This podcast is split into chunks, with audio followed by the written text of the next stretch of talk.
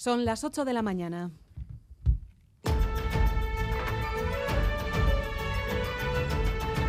Crónica de Euskadi.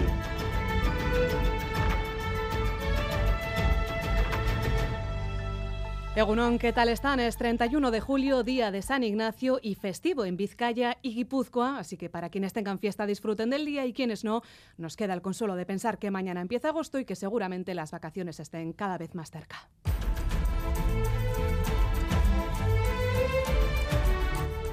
Quienes no tienen demasiado margen para tomarse un día libre son Pedro Sánchez y Alberto Núñez Feijó. Pasan los días y la gobernabilidad sigue en el aire. Ayer se comunicaron vía carta, la antigua usanza, la primera la del Popular, que emplazaba a Sánchez a una reunión esta misma semana para hablar de su investidura. Feijó, que sigue con su intención de llegar al gobierno y derogar todo lo que ha hecho el gobierno de coalición con la abstención de Sánchez. La respuesta de este llegaba horas después.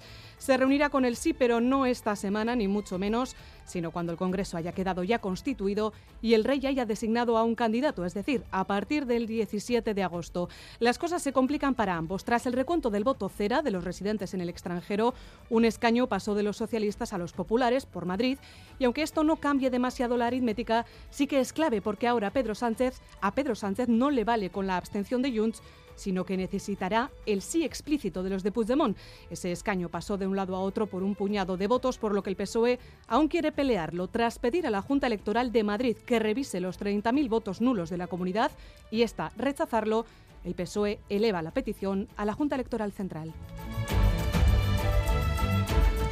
También en Navarra, los partidos que pueden conformar un gobierno deben dar un acelerón en las negociaciones porque para final de agosto tiene que estar constituido el gobierno. Quieren llevarlo con discreción, pero lo cierto es que las desavenencias entre PSN y Guero Abay se han hecho públicas. A Guero Abay no le gustó nada la propuesta de estructura de gobierno que hizo Chivite a finales de la semana pasada. Y un día más tenemos que hablar de agresiones sexuales, por desgracia, esta vez en Algorta, que celebra sus fiestas. La Erchancha confirma que está investigando una denuncia por agresión sexual grave ocurrida al parecer en la noche del sábado al domingo y por la que hay un detenido. A esta hora siguen dependencias policiales. Por otro lado, la chica de 18 años denunciada por agresión sexual a un menor de edad en Iruña este fin de semana ha quedado finalmente en libertad, pero con una orden de alejamiento del chico. En esta crónica de Euskadi hablaremos también de turismo en el fin de semana con más movimiento del verano. Por ejemplo, en los aeropuertos este fin de semana ha habido más de 500 operaciones en nuestros aeródromos. A Valencia. Oraingoz Madrilera eta gero Madrilete Senegalera. A Ibiza. A Ibiza. Me han dado vacaciones en el mes de agosto, pues nos vamos 15 días y luego viene fiestas de Bilbao. Porque es justo cuando tengo vacaciones. Información deportiva con John Zubieta y John Egunon. Hola Egunon, empezamos hablando de la noticia del fin de semana, como fue la decisión de la Federación Internacional de Pelota de no plantearse la modificación de sus estatutos, una vía que abría la posibilidad de que Euskadi pudiera ser miembro de pleno derecho y por tanto disponer de oficialidad. Aún así, Gochon Enville, en declaraciones a Quirol al día, se mostraba optimista de cara al futuro.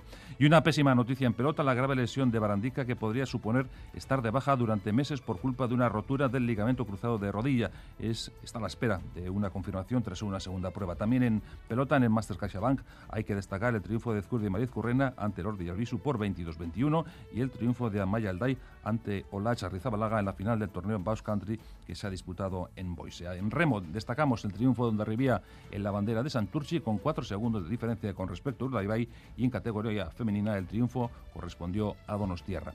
En ciclismo, después de la clásica San Sebastián, ganado por Ebenepul con Pello Eche Bilbao como segundo, el circuito de Guecho conoció el triunfo de Alexei Lutsenko por delante de Galopén y Simone Velasco. Johnny Zaguirre fue el mejor vasco con su séptima posición. Y en fútbol, la Real Sociedad ya está en Monterrey, donde disputará el jueves un amistoso ante el Atlético de Madrid.